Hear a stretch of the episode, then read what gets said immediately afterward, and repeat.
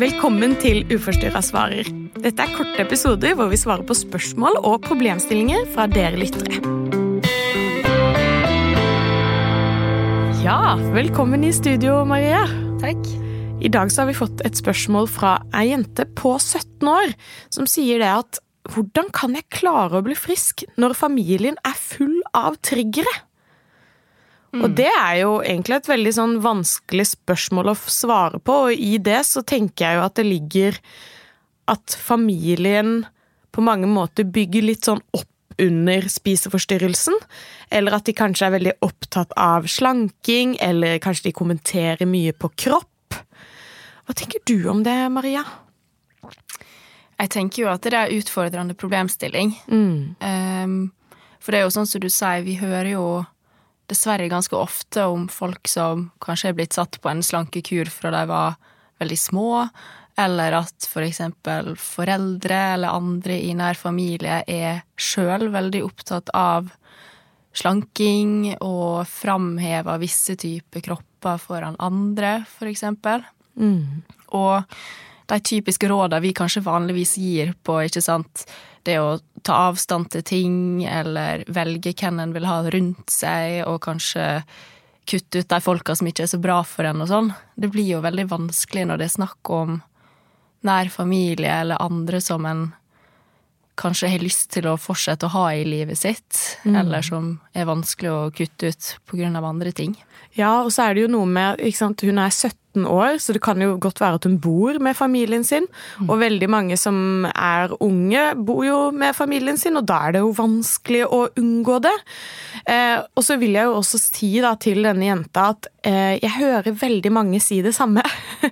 så hun er jo absolutt ikke alene om å kjenne på at det er vanskelig også i familien, og at det kan være med på å bygge litt opp under spiseforstyrrelsen. Og så er liksom det store spørsmålet her hva kan man gjøre med det? Hvor skal man, hvordan skal man gå frem? For du har jo liksom, Det ene alternativet er jo å prate sammen. Eh, og det kan jo være ufattelig vanskelig. Og veldig mange beskriver jo også det at de prøver å forklare, men at ikke det virker som at eh, de tar det imot, eller kanskje ikke helt skjønner det. Eller så er det rett og slett de her eh, med kommentarer på kropp og sånne ting. At det er så vanlig og dagligdags for mange at det er nesten en automatikk i det. Så det bare skjer. Så det er jo på en måte den ene veien å gå. Og så lurer jeg litt sånn, hvis vi skal starte med den veien med å snakke om det og ta opp problemet, mm. hvordan tenker du at det er best å gjøre det? Jeg tenker jo at det er lurt å snakke om det når en sjøl er litt sånn rolig eh, og ikke veldig i affekt.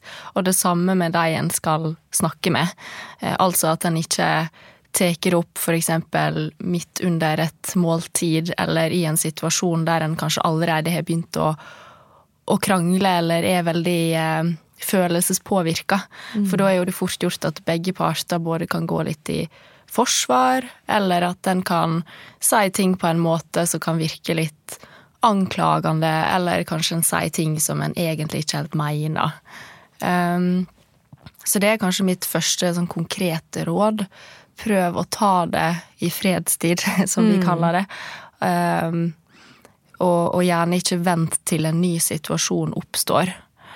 Um, og så tror jeg jo at den kan komme lenger hvis en sier at uh, det her gjør meg lei meg, for eksempel, eller at uh, det her er så vanskelig for meg at jeg blir veldig påvirka når du snakker på den måten, uansett om det er din egen kropp eller din egen mat, så trenger ikke jeg at vi skal ha så mye fokus på det her hjemme, for eksempel. Mm.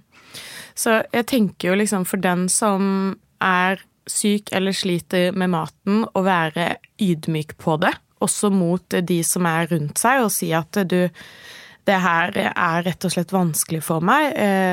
Er det mulig at vi kan gjøre noen justeringer eller ha noen regler på liksom Skal vi prøve å unngå å snakke om, om, akkurat dette her med kropp? Skal vi prøve å unngå å kommentere på maten til hverandre mens vi spiser? At det er en måte å ta det på. Og så tror jeg jo at man også må ha litt eh, is i magen, eller hva jeg skal si, når du kommer til familien sin.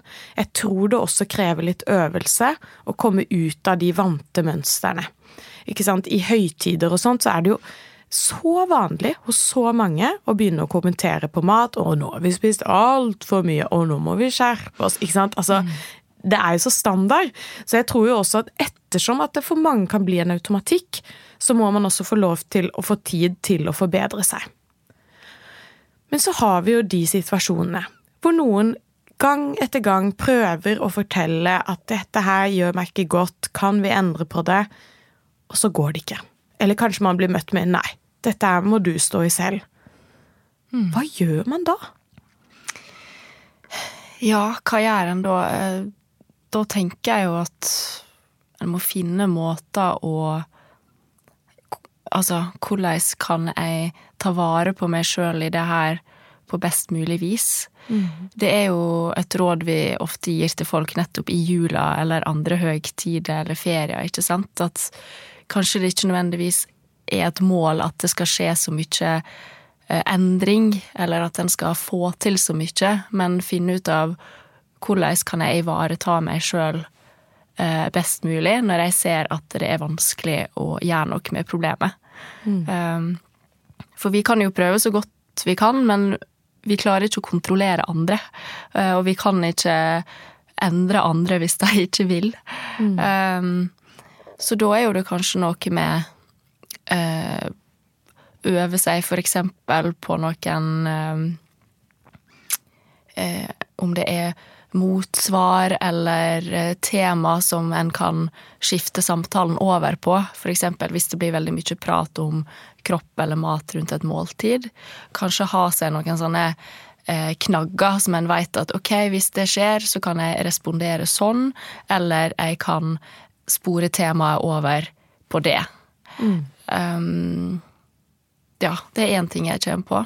Ja, og det tenker jeg egentlig er gode råd. Og så er det liksom For mange jeg snakker med, eh, kan jo også si at jeg er så sliten av å prøve å endre på de rundt meg, og prøve å få de til å forstå at vi nesten må komme fram til at kanskje det er på tide å gi opp eh, mm. akkurat den oppgaven. Mm. Og sånn som du sier, å bare lære seg til å stå i det på best mulig måte, og øve på hvordan man skal svare. Og det har jeg gjort mange ganger i samtalerommet med, med Eh, de som kommer til samtale, og liksom Ok, nå er jeg mamma, og så kommenterer jeg på kroppen din. Hva svarer du da? Mm. Så ser vi virkelig for oss situasjonen, sånn at du får øvd litt på hvordan man kan komme med et motsvar som føles litt sånn ok for deg. Men igjen, det krever jo også mye øvelse. Rett og slett. Ja, og det Der tenker jeg jo også at det er noe med å forberede seg på at det trenger ikke å gå sånn som en kanskje har tenkt det skal gå.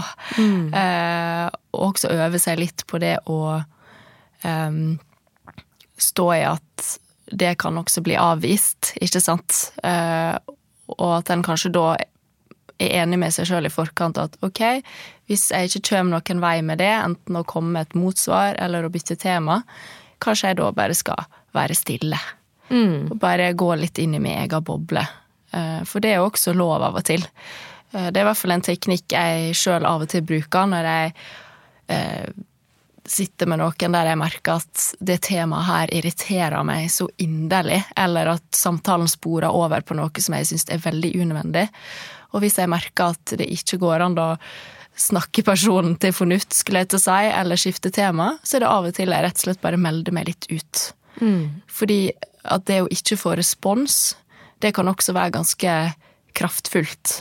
At eh, folk merker at å ja, det er ingen som vil være med og snakke om det her. Eller eh, det nytter ikke at jeg kommenterer på, på, kroppen min, for jeg får ingen respons på det uansett. Mm.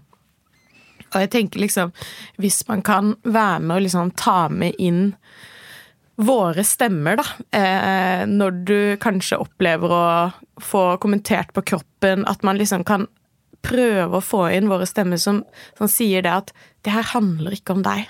Det handler om mangel på kunnskap om tematikken. Det er liksom Det er det det handler om. Å prøve å skyve det vekk fra seg selv. Fordi jeg tenker veldig mange, når de gir de kommentarene Det er ikke alle som mener det vondt. ikke sant? Altså Flesteparten mener det jo ikke vondt.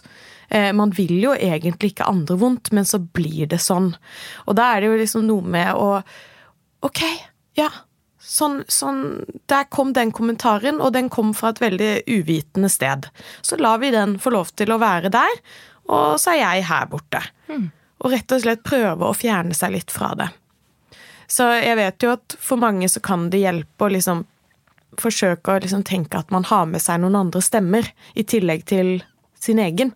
Så dere får får lov til å ta med dere våre stemmer inn i hodet, og bruke de litt for å beskytte seg mot de kommentarene som eventuelt kommer. Mm. Mm. Så helt til eh, slutt, Maria, hvis vi skal oppsummere så er det av og til så kan det være fint å kunne ta det opp eh, at det, akkurat det her er vondt og vanskelig. Ta det fra et ydmykt sted, og rett og slett gå ut ifra hva en føler når sånne kommentarer kommer, eller at det blir overfokus på hvordan man ser ut, eller mat. Dersom ikke det går, så er det noe med å kanskje godta at ok, jeg får ikke til å endre andre. Hvordan kan jeg ta vare på meg selv? Kan jeg øve meg på hvordan jeg skal møte disse kommentarene, og eventuelt kanskje øve på hva man skal svare, eller hvilke tema man heller kan snakke om. Så Det er på en måte våre råd i dag, og så kan man også få lov til å ta med seg våre stemmer, eh, sånn at man kan bruke de til en motkraft da, hvis man får kommentarer. For det handler ikke om deg og din kropp, det handler om mangel på kunnskap. Takk for at du lyttet til podkasten vår. Dersom du kjenner deg igjen, eller noen rundt deg, så kan du ta kontakt med oss på nettros.no. Denne podkasten er laget av Ros rådgivning om spiseforstyrrelser, med god hjelp fra produksjonsbyrået Både og.